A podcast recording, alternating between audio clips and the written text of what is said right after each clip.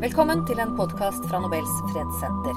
Denne episoden er et sikkerhetspolitisk dypdykk laget i samarbeid med Den norske atlanterhavskomité. Vi møter forsvarssjef admiral Håkon Brun-Hansen i samtale med journalist Christian Borch.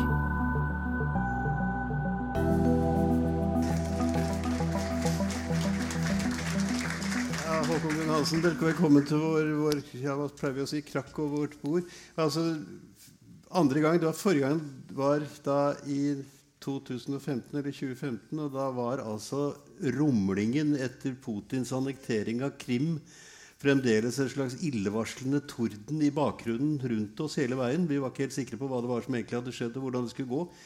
Eh, Hva har skjedd siden? Hvordan ser den sikkerhetspolitiske situasjonen ut i dag, fire år etter?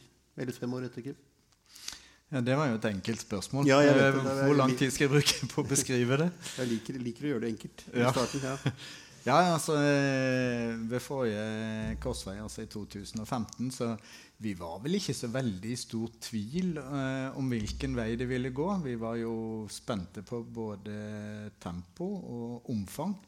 Eh, og hvis vi ser tilbake igjen til det tidspunktet og de tankene vi gjorde oss, og på det sikkerhetspolitiske bildet vi ser i dag, og hvordan Russland har utviklet seg, så tror jeg de aller fleste vil si det at eh, den utviklingen har gått mye fortere enn vi trodde. Den utviklingen er langt mer omfattende enn vi trodde. Én ting er moderniseringen av det russiske forsvar. En annen ting er hvordan Russland har brukt militærmakten for å sikre seg politisk innflytelse på den internasjonale arena. I 2016 så var det ingen av oss som trodde at Russland ville være i stand til å drive en treårig lang operasjon i Syria. Men det har de. Det har de klart. Betyr det at utholdenheten øh, er større enn vi trodde? For altså Det vi snakket om den gangen, det var vel at de hadde lagt seg til en litt mer aggressiv, offensiv måte å operere på. Mer fremskutt, mer provoserende på mange måter. Og at øh, en god del våpen hadde fått en større fleksibilitet, raskere bevegelsesfrihet. Men at evnen til å holde ut ikke var noe særlig å skryte av. Men Nei, det vi- du sier nå, er altså at den er det? Vi hadde nok mange av oss en oppfatning av at Russland hadde brukt eh, mye ressurser på å bygge opp en militær evne relativt hurtig. Eh, men at det hadde kostet de såpass mye. Eh, de hadde såpass mange utfordringer hjemme i Russland på det økonomiske plan at vi tvilte på at dette vil kunne fortsette i årene fremover. Og at de kunne klare å opprettholde dette nivået og det tempoet på militærmakten sin over tid. Eh, Men de har jo bevist i årene etter det at eh, viljen til å prioritere militærmakten er ekstremt høy. Eh, evnen til å utvikle nye våpen og våpensystemer i høyt tempo eh, har de demonstrert gjentatte ganger. Eh, og gjennom eh, den militære støtten til Assad-regimet i Syria så har de vist at de klarer å drive en militær operasjon langt hjemmefra over tid med høyt tempo og med tilstrekkelig understøttelse til at de oppnår målsettingene sine. Dette det har altså- overrasket mange av oss. Dette er altså operasjoner som foregår øh, ikke ved grensen, altså ut, vekk fra det russiske området, for å si det sånn? Ja, altså Skal du understøtte en militæroperasjon i Syria fra Russland, så må du altså transportere materiellet tvers over Svartehavet, gjennom Bosporstredet, mm. ned gjennom Middelhavet og inn til Tartus i Syria. Og Det er en stor logistikkoperasjon. Siden jeg begynte dette intervjuet med et veldig enkelt spørsmål, da må jeg fortsette med et enda enklere spørsmål. Hva betyr dette for Norge? Ja, Det er også et godt spørsmål. Hvor lang tid har jeg på å svare på den? ja, et par minutter, kanskje? Vi, eh, vi har jo alltid Eller ikke alltid, men vi har i lang tid vært nabo til en stormakt. Eh, Russland har ønsket å være en stormakt siden Peter den store på 1700-tallet. Eh, og det er det vi er nabo til. Vi har lært oss å forholde oss til en stormakt. Eh, vi har lært oss til å eh, vurdere deres militære evne. Eh, jeg liker å si at eh, vi som liten stat vi har lært oss til det å stå på det vi mener er våre rettigheter. Men vi unngår å provosere bjørnen i nabolandet. For vi vet aldri hva konsekvensene av det vil være. Og så har vi erfart én ting gjennom annen verdenskrig, at som liten nasjon så er det å stå alene eh, svært vanskelig hvis du blir utfordret. Det å ha allierte, det å ha venner, det å ha andre nasjoner som stiller opp for deg når det kreves, og som er en del av din sikkerhetsgaranti for at ingen bruker makt mot deg, det er en viktig del av norsk sikkerhets- og forsvarspolitikk. Den balansen mellom å være en del av Nato og ikke provosere Russland, men samtidig være trygge og kunne stå på det som er våre rettigheter i nærområdene, det syns jeg vi har klart på en utmerket måte i løpet av de siste 70 årene. Og det er nok også utfordringen vår å kunne gjøre det inn i fremtiden. Altså, dette, er et, dette, er jo et, ganske komplekst spørsmål hvor tingene griper i hverandre. og hvor mye er avhengig av det andre. Men hvis jeg da skal gripe fatt i det siste du sier her, så er det jo da interessant å høre dine vurderinger av hvordan dette internasjonale samarbeidet foregår. Hvilken status du kan si at Nato-samarbeidet har i dag. Uh, altså jeg vil jo helst ikke si det, men det er jo snublende nær å nevne at du har fått en pussig type i Det hvite hus. for å si det sånn. Ja, det er et spørsmål som jeg får ofte. Eh, nå sitter jeg eh, heldigvis ikke på den politiske arena, og jeg sitter ikke og forholder meg til politiske ledere verken i USA eller andre land i det daglige. Det, det holder med de norske. Du høres lettet ut. Eh, men min dialog, min møtevirksomhet, min interaksjon foregår med det militære nivået i USA. Det gjør den i stort omfang. USA er vår viktigste allierte. Og på de områdene så er sikkerhetsgarantiene like sterke i dag eh, som de var for seks år siden jeg begynte i denne jobben. Mm. Jeg har ingen grunnlag på fagmilitært nå til å betvile styrken i Nato-alliansen, ei heller viljen blant de militære til å stille solidarisk opp for hverandre. Og ikke bare det at ikke betviler det, men vi har hatt flere ledere i Nato på operativ side. altså SACEUR, Supreme Allied Commander Europe, eh, har ved flere anledninger vært tydelig på eh, at vi er en allianse basert på et kollektivt forsvar hvor vi stiller opp for hverandre. Og det er forventningene. Altså, det du sier nå, kan jo tolkes, eller i hvert fall kan jeg stille spørsmål om det kan tolkes som et tegn på at det er en beroligende, betryggende faglig kontinuitet i alliansesamarbeidet som på en måte blir eh, broen som bærer over politiske brottsjøer når de blir for rare. Ja, det, det, var, det, var, et jævlig ledende spørsmål. Jeg er klar over det, men du skjønner hva jeg mener? Ja. Jeg, jeg, skal ikke uttale meg om de, de politiske brottsjøene som du beskriver. Nei, sånn, det, men jeg, tror det er veldig viktig å forstå at vi som militære er veldig bevisste på hvorfor vi er i alliansen, og hvilken forpliktelse vi har gjort oss. Og vi mm. ønsker på ingen som helst måte å bidra til å undergrave den solidariteten som vi alle er avhengig av. Mm. Kan du da si noen ting om hvordan de militære vurderingene av hva, som, hva, det er nødvendig å gjøre i lys av den nye militære profilen du har fått fra russisk side spesielt? Ja, altså, da må jeg jo først beskrive litt uh, hvordan vi ser utviklingen i ja, Russland. og putte ja. det litt i kontekst. Uh, og så er det jo selvfølgelig delte meninger om det her. Vi er ikke nødvendigvis like uh, samstemt i alle vurderingene. Eh, men fra mitt perspektiv så er det uten tvil at Russland eh, bruker nå militærmakten som et virkemiddel for å komme tilbake igjen som en stormakt på den internasjonale arena. Det å bruke russisk økonomi eh, fungerer dårlig. Det har de erfart. Det samme gjelder det med diplomati. Mens militærmakten har gitt dem den respekten de ønsker.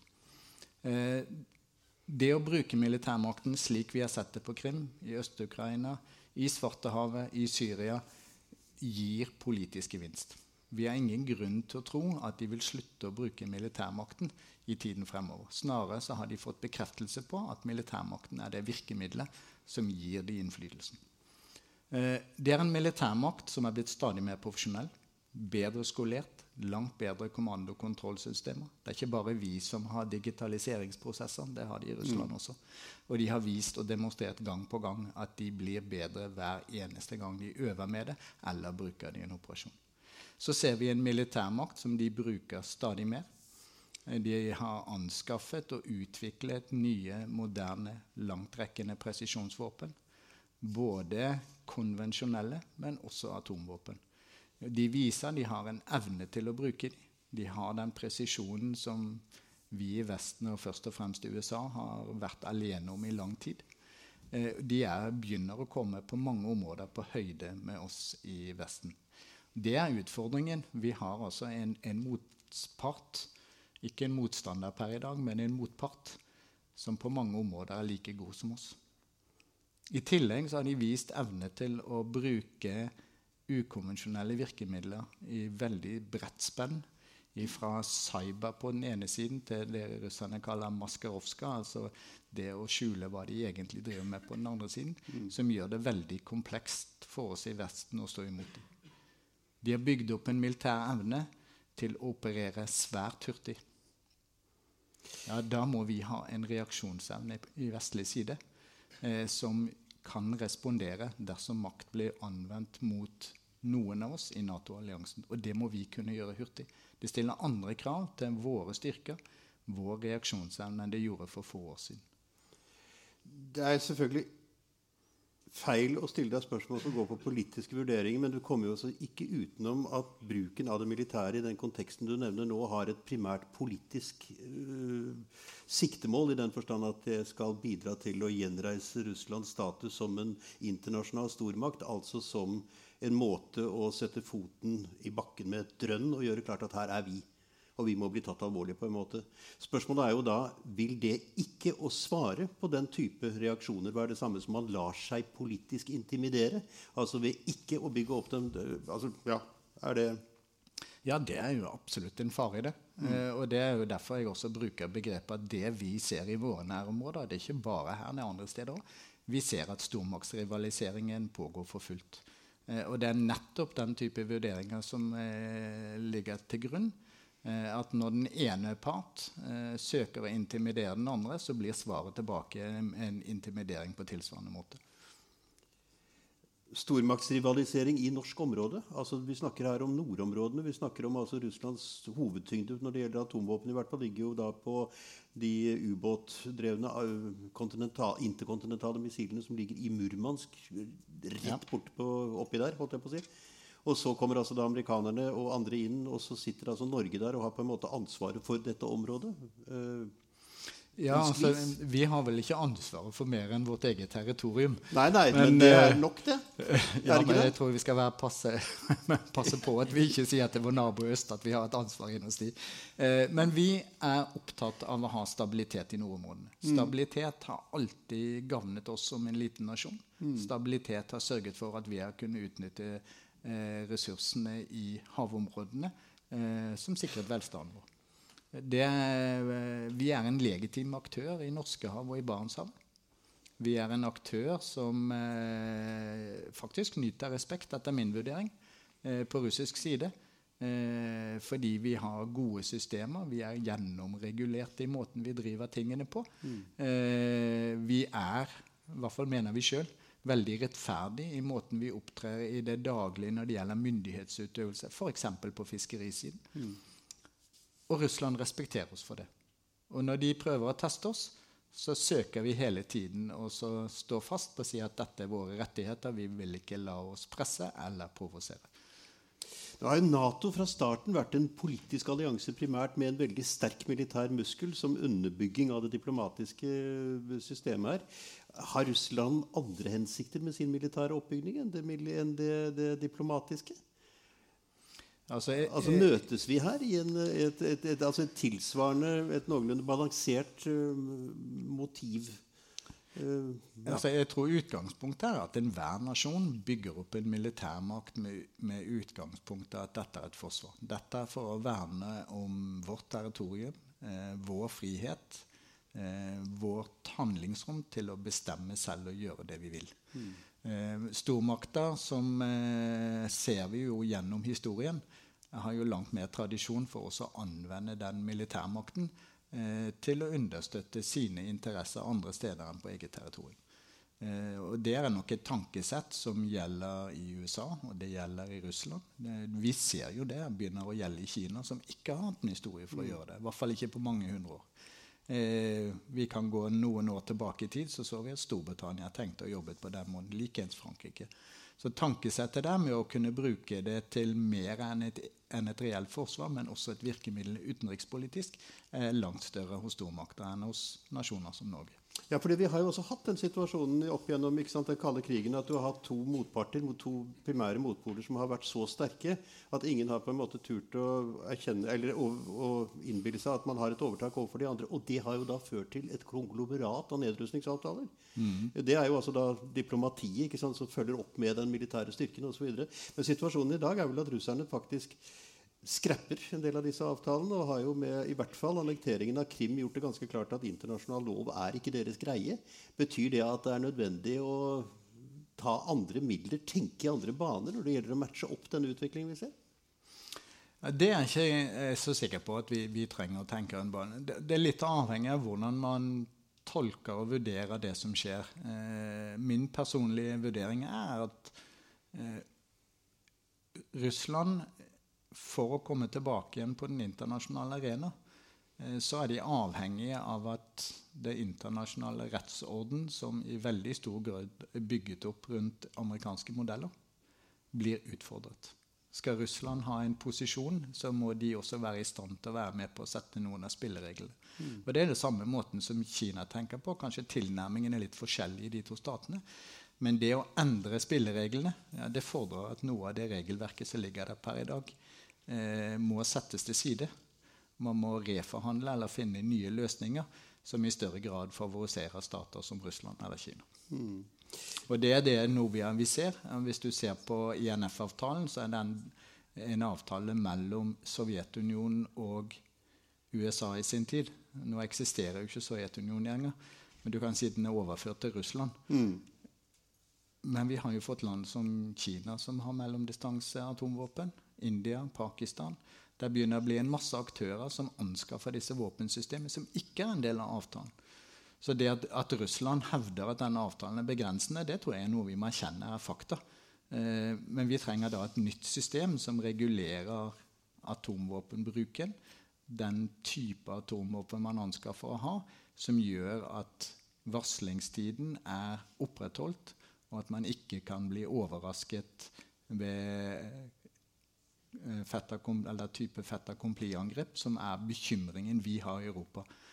Et russisk atomvåpen med rekkevidde på 500 km som står på, tett på grensen i Europa, har du ikke mange minuttenes varslingstid på hvis de en dag bestemmer seg for å trykke på knappen. Og det bør vi jo da sørge for at ikke gjør, holdt jeg på å si. Eller la være med. Nei, altså jeg tror det er i alles interesse å, å få et nytt uh, avtaleregime som reduserer faren og sannsynligheten for at denne type våpen blir brukt. Men når du sier, altså, du, du, du, du sier her at fra russisk side vil det være slik at trusselen um, har endret seg på den måten at den gamle INF-avtalen ville binde dem i et mønster som ikke møter den nye situasjonen. Følgelig er det nødvendig å tenke i nye baner. ikke sant? Men dette gjelder vel også andre land i Nato, hadde jeg nær sagt. Altså Fokusområdet flytter seg jo, i hvert fall er det ganske sterkt konsentrert om bl.a. Sørøst-Kina-havet. Svekker det allianseoppmerksomheten om nordområdene? Ja, om, om, det svekker alliansen? Eh, ja, hvis det svekker eh, noen av de store i alliansens oppmerksomhet fra Europa, så ja, svekker det. Ja, det, er det, eh, altså, det, er jo ingen hemmelighet at eh, fra ca. 2009 så har USA brukt mer oppmerksomhet mot Kina og utviklingen i Kina, Sør-Kina-havet.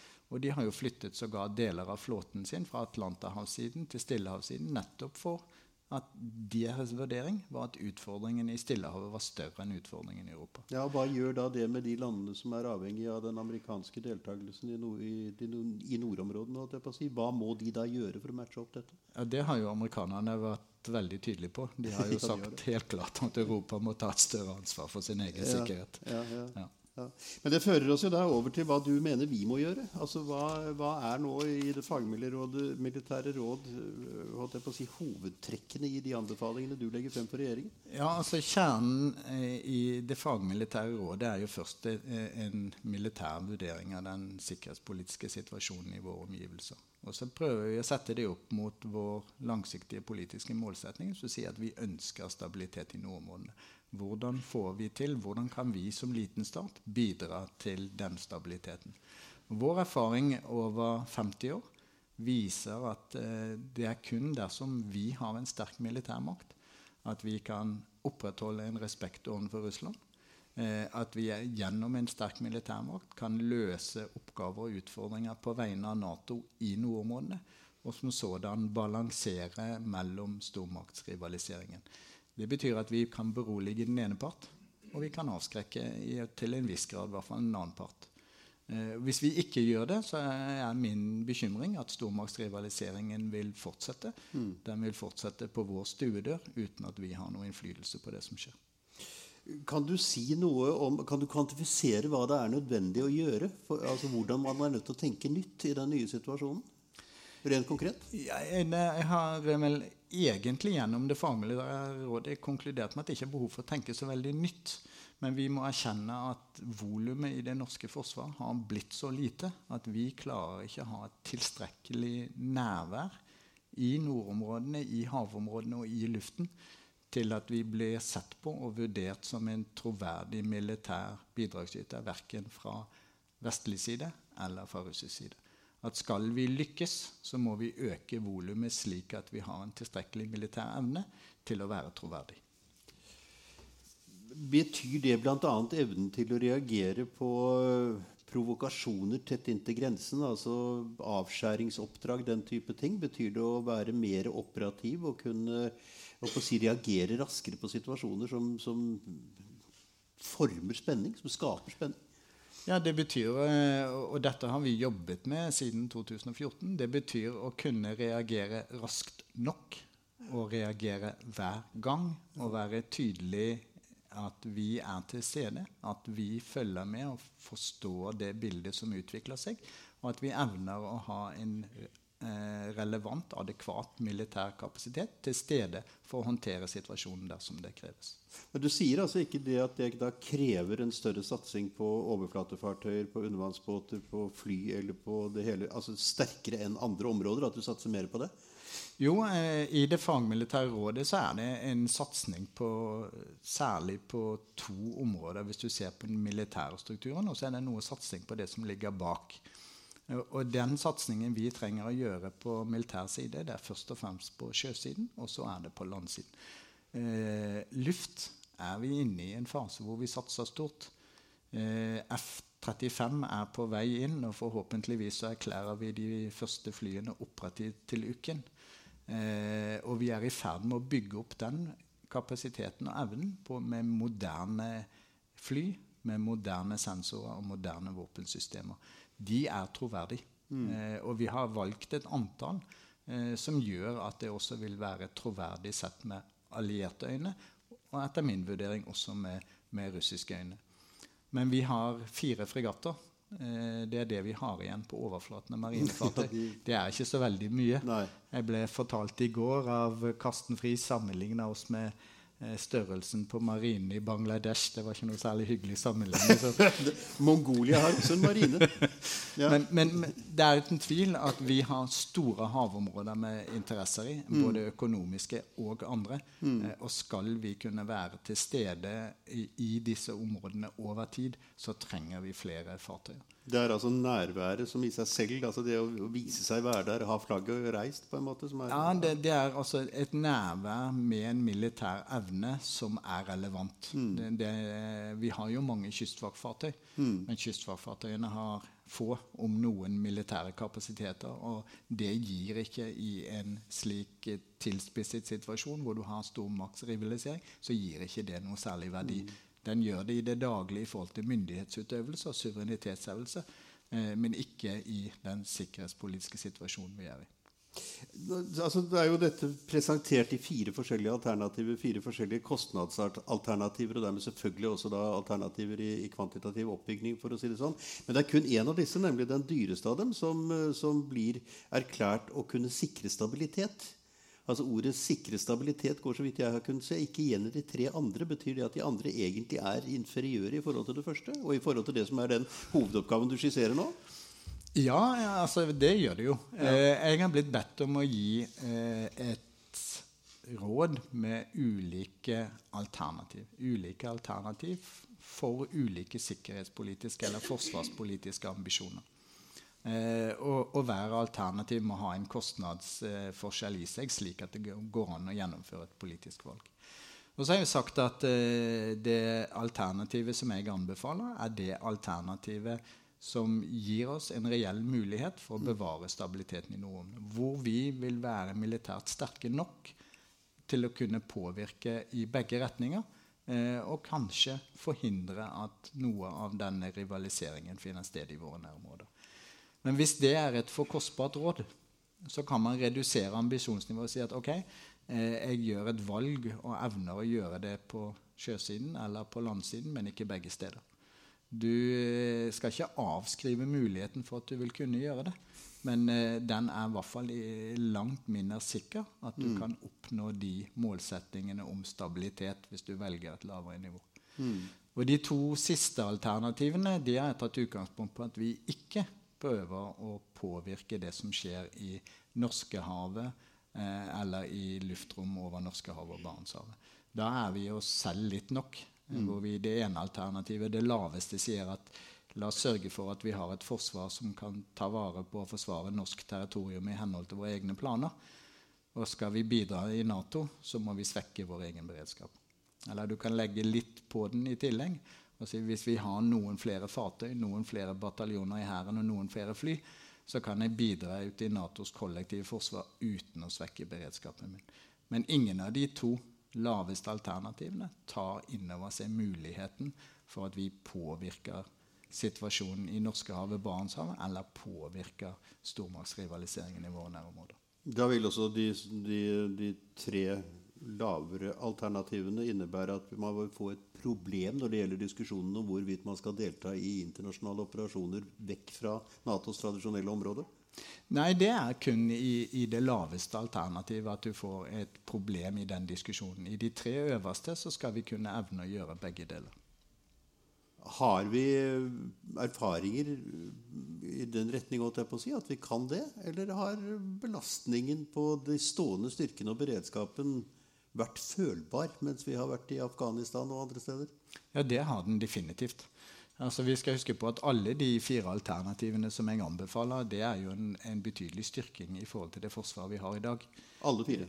Alle fire er det. Ja, akkurat, okay. Så eh, dagens forsvar eh, har en betydelig utfordring mm. i forhold til å bidra i eh, operasjoner i Afghanistan eller operasjoner i Irak, eller være en del av Natos avskrekkingsstyrke som står permanent i Litauen, hvor vi også er med. Mm. Eh, vi har jo bortimot en hel bataljon ute. Det er en tredjedel av den norske hæren. Ute? Ute. Ja, det er mye, det. Ja, og det, det er klart at det påvirker vår evne hjemme. Ja, altså Hvis alle disse alternativene da fører til en opptrapping, vil ikke da russerne si at nå driver Norge og provoserer oss? Dette er ikke stabiliserende, dette er krigshisseri. Ja, de, de altså, jeg, jeg, er ganske så sikker på at de vil si det. Men jeg er de pleier jo det, for å si det sånn. Ja. Men jeg er ikke enig med de i det.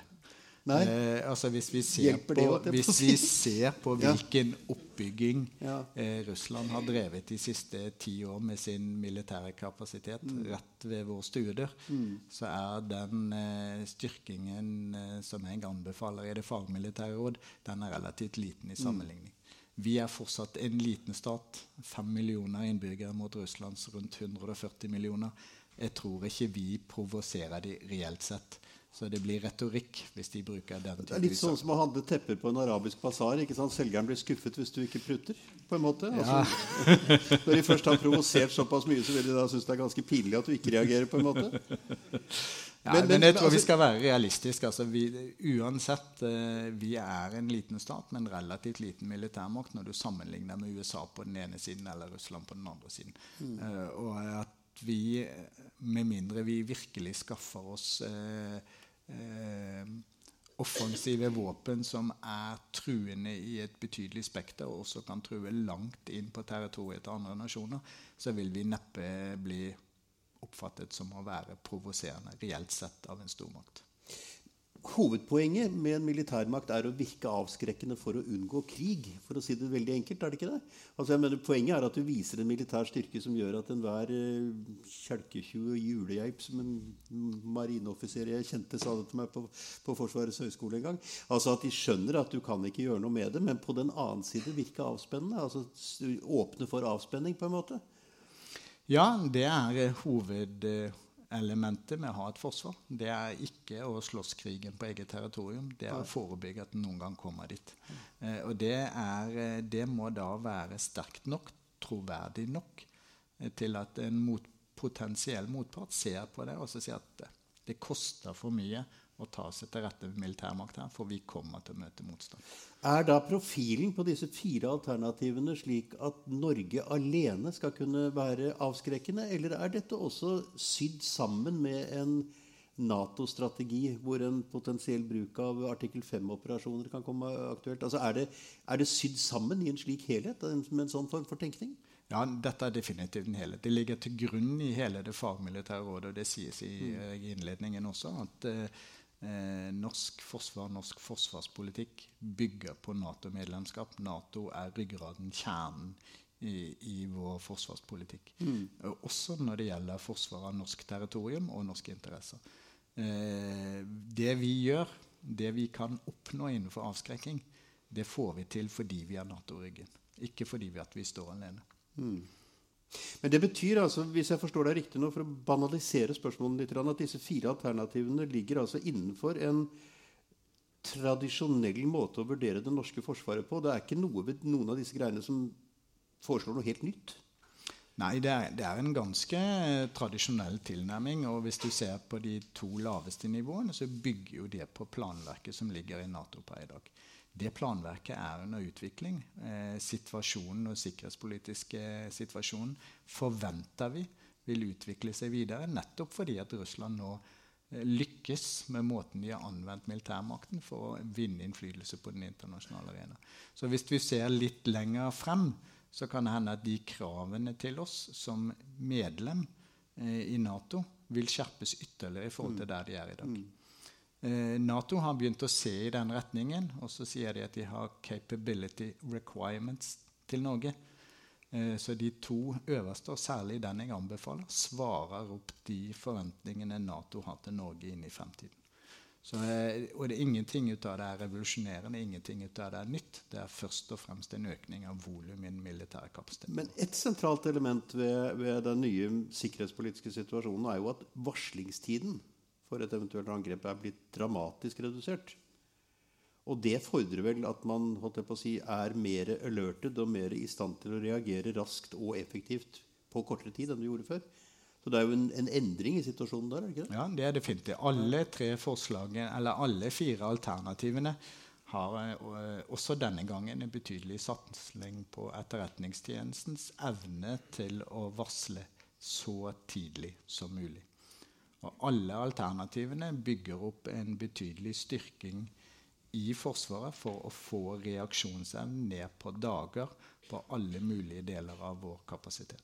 Fordrer ikke dette en sterkere satsing på en del nye teknologiske elementer, som overvåkningsdroner f.eks., og satellittbasert ja, det, der, der, ligger jo, og vi har kommet i gang med satellitt på enkelte områder. Mm. Eh, jeg anbefalte for fire år siden at vi skulle anskaffe droner, eller det som vi kaller operasjonelle UAV-er, store ubemannede farkoster. Mm. Eh, men valget falt jo på P8, de maritime patruljeflyene. og Derfor så har jeg ikke anbefalt en anskaffelse av droner i omfang, iallfall, i, i denne sammenheng.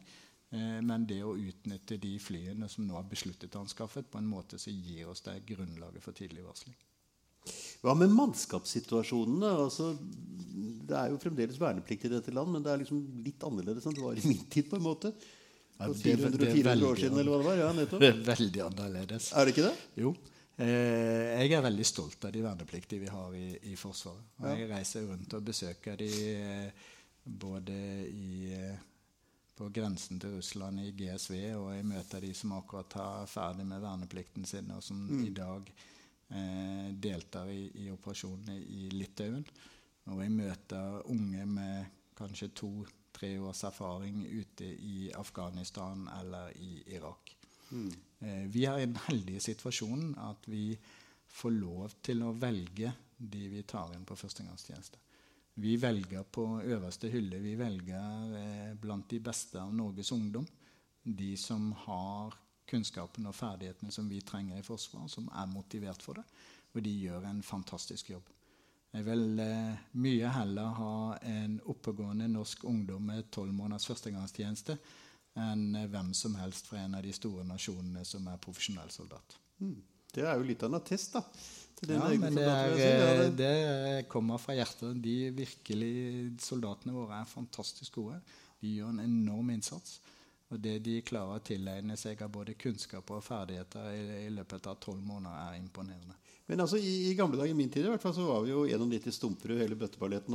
Si. Vi gikk på, gikk på, tur i skeive støvler. Og, jeg tror jeg nesten må invitere deg ut og hilse ja, på noen vernepliktige. Jeg, jeg, jeg, mener ikke at det ser sånn ut nå. Men altså, det, sant, det bildet du skisserer, det er, jo, det er jo veldig velutdannede mennesker stort sett. Altså Folk med en teknologisk eller en uh, annen type utdannelse som er relevant for Forsvaret, og som kan betjene kompliserte um, instrumenter, våpen, systemer etc. etc. etc. Men jeg håper å si, det er jo noe med, med fotfolket i hæren.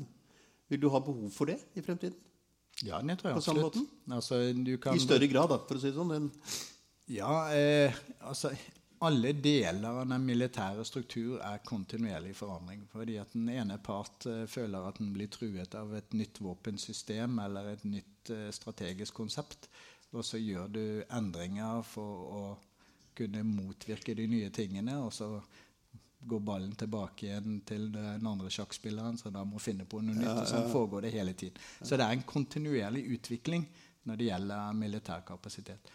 Eh, det viktigste i den utviklingen er faktisk mennesket. Vi kan ha veldig mye teknologi, men hvis ikke du vet hvordan du skal bruke teknologien, hvis ikke du forstår hvordan militærmakten bidrar til å nå målsettingene dine, hvis ikke du evner å ha en soldat på bakken som kontrollerer det som er viktig for deg, så vinner du ikke til slutt. Så teknologien eh, kan redusere behovet for antall mennesker. Eh, den kan gi oss løsninger istedenfor å bruke et stort volum med mennesker. Så kan du oppnå noen av målsettingene med teknologi. Men teknologi erstatter ikke mennesket. Det er avhengig av samspillet. Men Snakker ikke du nå egentlig om profesjonelle soldater? Altså mennesker som da tar dette som en jobb, utdanner seg for det og blir lønnet for det? holdt jeg på å si? Ja, vi kommer veldig langt med de vernepliktige. Jeg kan gi deg et sånt uh, lite eksempel. Nå går jeg ti år tilbake i en tid. Jeg var sjef i Sjøforsvaret. ja. Og vi sendte fregatten Fridtjof Nansen til Adenbukten. Eh, ja. vi sendte den jo av gårde den første dagen båten var operativ. Mm. Eh, og så fant vi ut at vi skulle også slåss mot kaprere nede på området. Mm. Eh, det hjalp ikke med torpedoer eller kanoner eller missiler. Vi måtte ha noe litt mindre kaliber som vi kunne slåss mot. Mm. Og vi anskaffet det som heter Remote Weapon Station, altså en fjernoperert eh, mitraljøse som vi plasserte rundt ute på dekk, og som skulle da opereres inne fra broen på båten.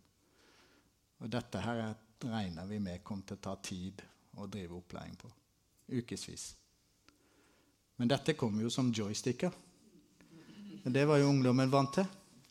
Så når vi begynte klokken ni om morgenen og kom til lunsj, så kunne jo alle de vernepliktige dette her. Og de gjorde det jo bedre enn noen av oss hadde trodd var mulig. Ja, Og det var vernepliktige, altså? Det var vernepliktige, ja. Så det er den der eh, vi har, eh, som er blitt litt mer grå i håret, vi har et sånt perspektiv på at eh, ungdommen kommer til å bruke lang tid på å lære det her. Ja. Vi burde heller spørre de som er 18 eller 20 år gamle, ja, nei, altså, hva som er komplekst. Jeg, jeg, jeg, har jo et, jeg har jo et barnebarn som er da, sant, Hver gang jeg står fast, så løser jo han problemet. Han er ti. Jeg, jeg, kjenner jo akkurat den situasjonen der. Men altså, det, det, jeg bare tenkte på, er det at du, du har jo Det er jo altså det er jo ikke det store kvantum av vernepliktige på en måte som er inne på samme måte som det var tidligere. Vil du ha behov for å øke det antallet i ja. de fire modellene vi har her? Eller var det særlig A? Alle, alle, modellene legger opp til å øke antallet fast ansatte. Altså mm. både profesjonelle soldater, befal og offiserer. Mm. Og alle alternativene legger opp til å øke antallet vernepliktige. Og, de, disse økningene er jo først og fremst en konsekvens av at du øker med antallet fartøy, antallet bataljoner i Hæren, eh, antallet mennesker som kan snu rundt flyene, så vi får mer ut av de på flystasjonene. Mm, mm. Da må vi ha mennesker inn. Og det er eh, en blanding på nøyaktig samme måten og nivået som vi har i dag, som ligger i de alle fire løsningene. Men kvantitativt vil altså teknologien spille en større rolle? Altså det med å være i stand til å behandle avanserte datasystemer og den type ting som styringsmekanismer for svært mye av dette? Ja, på noen områder så blir det mer avansert, mer komplekst, og det krever mer trening. Ja. Mens på andre og veldig mange av de områdene, særlig det som skal betjenes av operatører rundt omkring, Man-machine interface er en uh, vitenskap uh, innenfor utviklingen av militært materiell. Ja. Og man sørger jo for at det er ikke for komplekst å operere. Én ting er å kunne sitte og operere dette i en simulator og få det til veldig hurtig og greit, men du skal også mestre dette i en stridssituasjon når du er livredd, det smeller rundt deg osv. Så, videre. så det må ikke være for komplekst ut i den utøvende enden. Så Der ute tror jeg at eh, med kompetansen som norsk ungdom har, så er jeg ingen bekymring for at teknologien vil løpe fra oss. Verre er det å sitte og, drive analyse i de bakre områdene og utnytte store datamengder. Det er betydelig utfordring. Mm. Dette klassiske begrepet totalforsvarskonseptet, har det noen uh, relevans lenger? Si? Det altså slik, Dette med at hele samfunnet er trukket inn i en beredskapssituasjon? Det har det absolutt. Eh, øvelse Trident Juncture som vi hadde i fjor høst, mm. Eh, var jo en fantastisk demonstrasjon på at vi har klart å modernisere totalforsvaret og tankene rundt det inn til å passe sammen med det samfunnet som har utviklet seg de siste 30 årene. Eh, veldig godt og tett samarbeid med en rekke etater rekke departementer for å sørge for at vi evnet å flytte militære styrker, militært materiell, understøtte de rundt omkring i Norge. Og så hadde vi det nye som vi ikke har gjort i samme grad tidligere. Vi hadde altså strategisk partnerskap med en rekke sivile bedrifter og aktører. Så kombinasjonen her med totalforsvar og sivile partnere eh, det gjorde at vi trakk på ressurser fra hele Norge og understøttet driften bevegelsen, mat og drikke til 50 000 soldater eh, med et relativt lite forsvar. Hvor viktig er den type øvelser som signal om forsvarsevne og vilje? Jeg tror den er ekstremt viktig. For det første, Hvis du begynner på den militære siden, så det er å vise og gi en bekreftelse til oss som militære ledere eller som offiserer i Forsvaret eh, på at faktisk samfunnet kan stille opp. Og når de gjør det, så løser de de utfordringene vi har. Men like viktig er det for alle som var involvert, lokalsamfunnet rundt omkring, så ser det at det krever faktisk mye av samfunnet dersom vi kommer i en situasjon hvor vi blir utfordret militært. Det er ikke bare en oppgave for Forsvaret, det er en oppgave for samfunnet. Og det er en oppgave i forhold til å bringe militærmakten frem der hvor du trenger den, men det er også det å ta vare på sivilbefolkningen og gi de tjenestene sivilbefolkningen vil trenge i en sånn type situasjon. Hvor vesentlig vil internasjonale øvelser i norske farvann være? Altså jeg tenker på Nato-øvelser med deltakelse av f.eks. En, en hangarskipsgruppe fra, fra, det amerikanske eh, forsvaret? Eh, alt slik er, er, viktig. Har alltid vært viktig. Det er viktig i dag, og jeg tror også det vil være like viktig inn i fremtiden. Eh, vi må ikke skape tvil om at alliansen er villig til å stå solidarisk bak hver eneste nasjon. Og vi må demonstrere det med jevne mellomrom. At alliansen kan jobbe sammen. At vi er villige til å operere og kan operere i alle deler av Europa. Eller, eller i USA og Canada, om det blir nødvendig. Eh, at vi behersker de utfordringene som ligger i området, enten de kommer av geografi eller de kommer av klima. Eh, og det å ha internasjonal deltakelse på øvelser i Norge er en viktig faktor i forhold til å demonstrere akkurat det. Så vi inviterer de inn på nasjonaløvelser. Og så eh, ønsker vi at med jevne mellomrom at det er Nato som inviterer alle inn på øvelse i Norge og norske nærområder. Det er jo, altså Jeg ble jo litt uh, si både beroliget og litt fascinert av det bildet du tegner av måten de profesjonelle i alliansen arbeider kontinuerlig.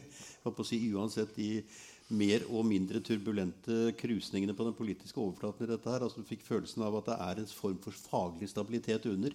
Men er det enighet i det faglige miljøet om at disse øvelsene bør, at de internasjonale øvelsene bør fortsette? Bør utvides eventuelt? Bør skreddersys for spesielle situasjoner? Eller i det hele tatt kjøres frem som et objekt i, i samarbeidet? Ja, så jeg vil si Det er tilstrekkelig grad av enighet. Det er jo alltid sånn når du har 30 nasjoner at eh, noen vil gjerne ha mest mulig i sitt område fordi det gir fordeler. Eh, noen vil kanskje i en periode helst ikke ha de der fordi at det skaper utfordringer hjemme. Men jevnt over så er det enighet om dette. Og, og vi som profesjonelle aktører vi, vi har altså en felles målsetting. Vi må evne å levere den dagen politikerne ber oss om det. Det er vi alle opptatt av. Eh, og det nytter ikke å sitte bakoverlent og vente til den dagen kommer, og så begynne å finne ut av det. Så vi skal være forberedt og klar til enhver tid. Ja. Og det altså går jo på det går jo på da bl.a. erkjennelsen av at varslingstiden er blitt betydelig kortere. Altså Det er da et tungtveiende argument i, i, denne debatten, som da åpnes med, med det fagmilitære råds anbefalinger. Ja, så definitivt. Og Nato jobber jo eh, jevnt og trutt nå med å skape en kultur for økt reaksjonsevne i Nato stiller krav til alle medlemsnasjonene om å ha bedre reaksjonsevne på styrkene og stille flere styrker tilgjengelig hurtig for Nato i operasjoner. Hvis du skal kaste blikket litt fremover nå, altså ligger det i, eh, i disse alternativene som er fremlagt, et, eh, et grep om fremtiden, i den forstand at man antisiperer hvilke teknologiske utviklinger som kommer, hvor de nye trusselsituasjonene eventuelt kan oppstå osv. Og, og hva er eventuelt det? Altså, det tar jo eh, lang tid å utvikle nye militære kapasiteter. Det skjer ikke over natten. Eh, det tar eh, fort ti år, og kanskje mer enn det, fra du har en, en god idé til du får testet ut, prøvd dette her, satt i produksjon, eh, anskaffet tilstrekkelig volum til at det begynner å påvirke de militære operasjonene. Men det, det forholdene vi vektlegger i det fagmilitære Det ene er jo å kunne beskytte seg mot ulike typer presisjonsvåpen. Og vi ser at det som eh, tidligere var først og fremst forbeholdt atomvåpen, altså ballistiske baner, det begynner nå å komme på konvensjonelle våpen. Hvis vi ikke evner å beskytte oss mot det inn i fremtiden, så blir du veldig sårbar for den type våpen. Dette ligger inne, og vi har tatt høyde for at denne utviklingen vil fortsette. Eh, og skal vi anskaffe mer luftvern for å beskytte oss selv, så bør vi ha evne også til å beskytte oss mot denne typen. Et ABM-system for, eh, for, konvensjonelle våpen, altså? Ja, ja, riktig. Eh, den andre biten vi ser, det er jo altså avhengigheten vår av eh, kommunikasjon. Altså vi er blitt digitalisert. Og så våpnene våre rekker jo mye lenger enn det menneskelige øyet ser. Så du har våpen og sensor på forskjellige steder, og så har du digital kommunikasjon imellom. Det er sårbart. Det er sårbart i forhold til cyberangrep. Det er sårbart i, i forhold til elektronisk krigføring. Så vi trenger flere systemer, og vi trenger redundans slik at vi er mindre sårbare overfor både cyber og elektronisk krigføring. Så det er også et element som ligger inne i alle disse alternativene. En Økt satsing på disse områdene. Betyr det også et forskningselement? At det er nødvendig å satse mye sterkere på utforskningen og eventuelt utvikling av nye våpen, nye metoder?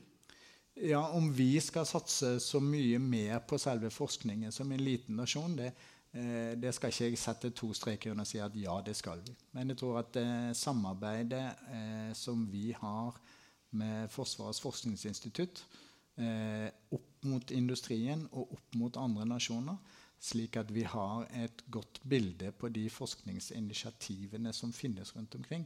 At vi evner å henge oss på de som vi mener er relevant for å kunne løse noen av våre problemstillinger på en enklere og bedre måte. Mm. Det blir viktigere. Tempoet, tempoet, går opp. Da må vi henge på tidlig, ja. og vi må passe på at vi er på rett sted riktig Og Det er vel altså da også for så vidt et område hvor totalforsvarskonseptet kan komme inn. for her vil det altså være forskning som kommer både det sivile og det militære samfunnet til gode, vil jeg tro. Ja, så definitivt. Altså, vi har ubemannede undervannsfarkoster som heter Hugin, som er i stand til å kartlegge hele havbunnen, finne miner osv. Eh, men de er også vel egnet til å brukes veldig mye til eh, arbeid ute i Nordsjøen for oljeindustrien. Ja, og eh, maritim havforskning så prøve å finne igjen tapte sildestimer og den type ting? Ja, de kan bidra til veldig mye. Så ja. det er klart at det her er mye utvikling på teknologisiden som har både militær og sivil nytteverdi. Nå har jo altså et av, de, et av de elementene som har skapt atskillig debatt i den senere tid, det er jo innblanding, altså, eller hva heter det for noe, hacking av eh, datasystemer. altså Du kan gå inn og drive desinformasjon. Du kan altså, sant, gjøre masse sånne ting. Er det et element som, som, kan finne sin militære løsning, eller er det et sånt område hvor du på en måte er nødt til å tenke i andre baner, altså andre disipliner først? Hvis du skjønner hva jeg mener, altså Det var et litt uklart formulert spørsmål. Det kommer at Jeg skjønner ikke helt hva jeg selv sier. for å si det sånn. Nei. Eh, og det, i, det, er jo en del av sakens natur. for å si det sånn. Cyberdomene, eh, Internett, hybrid krigføring det er, det er, litt ullent fortsatt. Og det er ullent for mange av oss som er eksperter på det også. Mm. Eh, jeg personlig tror ikke at denne type ting er en ny form for krigføring som plutselig gjør at den militære delen ikke er så relevant lenger. Eh, men dette er en måte som, eh, hvor du kan skape konflikter i et samfunn. Eh, altså Hvis du er i stand til å hacke deg inn på dataen til folk og begynne å manipulere dataene, eh, og gjennom en slik type manipulasjon få frem feile fakta som vi baserer våre beslutninger på, eller sette ulike grupper i samfunnet opp mot hverandre, eh, slik at du får splid i samfunnet. Du får mistro til myndighetene. Eh, og du skaper den type interne konflikter. Eh, ja, eh, hvis det kan påvirke en beslutning i en ønsket retning, så er jo det interessant. Men det er også en interessant måte å få oppmerksomheten bort fra det du egentlig er ute å gjøre. Og så kan mm. du bruke militærmakten mye enklere for å nå de målsettingene dine, hvis det er det rette virkemidlet. Jeg griper, griper, meg selv i av og til å tenke litt baklengs, men det var altså faktisk slik at desinformasjonsbegrepet var altså et relativt uh, hett tema i den kalde krigens dager. Og vi brukte jo ja. mye kapasitet på det og tid på det, også militært, uh, i den tiden. Altså, det ble jo definert som et krigsmiddel, for å si det sånn? Altså en metode som måtte bekjempes? Det har det alltid vært. For mange hundre år siden så holdt ja, vi også på på samme måten, men vi hadde det ikke digitalisert og elektronisk. Nei, så du måtte, du måtte, gjøre tingene mye mer fysisk. I, I, dag kan du gjøre det altså, Hvis man ønsker å plante desinformasjon inn i beslutningssystemene våre, så trenger du altså ikke være i nærheten av oss i det hele tatt. Du kan sitte i en helt annen del av verden og gjøre det. Og Det er det store utfordringsbildet i dag. Er den alvorlig? Er det, er det, noe som bekymrer deg? for å si det sånn? Ja, jeg tror nok eh, alle sammen eh, har eh, registrert det som Donald Trump sier med jevne mellomrom, fake news. Så du må jo stille spørsmålet om det du får inn av informasjon, om det faktisk er troverdig.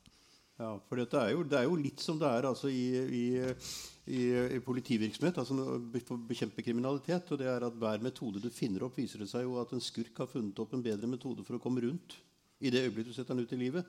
Og det er vel litt av det samme her også, for det skjer jo ganske mye. altså Kineserne ligger ganske frempå og kommuniserer vel kanskje ikke sine ting så klart. Eh, russerne har også vært inne. og Vi har jo hatt en heftig debatt i USA. Det har jo moret oss alle, mm. holdt jeg på å si. Det har vært ja, livlig når det gjelder dette. Ja, altså du kan jo gå ut på Facebook og så se på noen av diskusjonene som pågår der, og så stille deg spørsmål om mm. hvem er disse aktørene med ukjente navn og bare nummer, og se på norsken de bruker, og hvordan de argumenterer. Ja, ja, ja. Hvem, hvem, er det de egentlig prøver å påvirke? Mm. Jeg vet, jeg vet, ikke om det er riktig å stille spørsmål, men Betyr dette at, bør, at, at etterretningsdelen av hele det nye, at det fremtidige forsvarskonseptet bør styrkes? Er det altså Etterretning er jo rettet mot å skaffe deg kunnskap, forståelse og informasjon om ytre trusler. Mm. Så Etterretningstjenesten er ikke vendt innad i samfunnet i den forstand. Men jeg tror at vi som samfunn eh, har definitivt behov for å være kritisk og vurdere nøye alt det som kommer av informasjon, eh, særlig fra uoffisielle kilder. Men vi bør også stille spørsmål til offisielle kilder. Mm. Vi har sett, vi vet at informasjon blir manipulert for å tjene bestemte formål. Mm. Og det vil være naivt å tro at ikke det skjer hos oss. Ja, og der er, er det da et, eh, altså kan, Ser du for deg dette som en del av totalforsvarskonseptet i den forstand at det vil være et nært samarbeid mellom en militær og en sivil overvåkning av dette? Ja, det er definitivt. Og så er jeg ikke så sikker på at uh, i, i, det daglige fredstid at det skal være så veldig mye militært. I hvert fall ikke når vi snakker om i Norge, men kanskje utenifra. Mm. Uh, men at det er et samarbeid med totalforsvar, med media osv. Uh, at man er årvåken for dette. At man er kritisk til det. Uh, at man bruker de informasjonskanalene som media er, til å slå ned på informasjon som man ikke finner et mm. legitimt argument for, eller kan verifisere kilden eller innholdet. La, la, meg få stille deg et spørsmål til slutt. Vi har hatt en, du sier Det har jo alltid vært en heftig diskusjon om hvordan Forsvaret bør se ut, hvordan det bør profileres, hva man bør satse mest på osv. Det er jo sterke meninger i alle leirer. holdt jeg på å si. Er, Hvis vi nå går ut fra alternativ A, som er da det mest kostbare, men det mest effektive selvfølgelig av de eh, forslagene som ligger inne i, i, fra det faglige militære rådet her, er, det slik at, man, at du har på en måte møtt motargumentene fra de forskjellige gruppene som står og slår hverandre i hodet med et kjevle når de er uenige? Altså tatt både de som da sier at vi må ha mer her, og de som sier at vi må ha mer ditt og datt, og overvåkningsfly og Andøya, you name it. Altså er, ja, Veldig dumt sagt spørsmål, men altså, favner dette såpass vidt at du på en måte får en så balansert eh, forsvarsprofil ut av dette at den type diskusjoner ikke lenger er så aktuelle? Ja, altså det favner vidt, det er det ingen tvil om. Eh, men vi har hatt eh, betydelige diskusjoner innad i Forsvaret eh, om hva som er de rette tingene å satse på i forhold til ulike trusselperspektiv og ulike målsetninger i forsvarspolitikken. Så diskusjonen har det vært, og det er ikke alle i toppledelsen i Forsvaret som er 100% enig. Men jeg tror hovedtyngden er enig i at dette er de viktigste utfordringsområdene vi har i forhold til å ha en troverdig militærmakt for å sikre stabiliteten i nordområdene og bevare vår handlefrihet. Eh, dette er de viktigste områdene å gjøre noe med for at vi skal ivareta de oppgavene. For å stille et litt retorisk spørsmål, Betyr det da at de politiske beslutningstakerne vil altså stå overfor et omforent konsensus på forsvarssiden? Altså Den militære anbefalingen her er eh, si, bortimot så entydig som det går an å få den, om at dette er nødvendig i dagens situasjon? Ja, altså, Her er det vanskelig å gi noen garanti. Men jeg, Nei, jeg, jeg, jeg, tror, det, altså, ja, tror det, er At det kan være et argument fra Forsvarets side overfor de besluttende myndigheter, tenkte jeg. Ja. Jeg tror det er veldig få motforestillinger og motargumenter innad i Forsvaret for de løsningene som vi har valgt. Og eh, det kan være særinteresser på enkelte områder, og så er det jo selvfølgelig de blant oss som gjerne vil ha enda mer enn det jeg har anbefalt. Mm. Vi har hatt, i, eh, i hvert fall i kjølvannet av forhandlingene om konvensjonelle våpen, en form for løpende dialog over grensene mellom Warszawapakten og Nato i den kalde krigens dager, som jo bl.a. resulterte i et slags inspeksjonsregime. Eh, er den delen av det hele også en del av dette? Altså de uh, tillitsskapende tiltakene, de uh, avspennende småtingene uh, under overflaten? Er det bakt inn i denne tenkningen?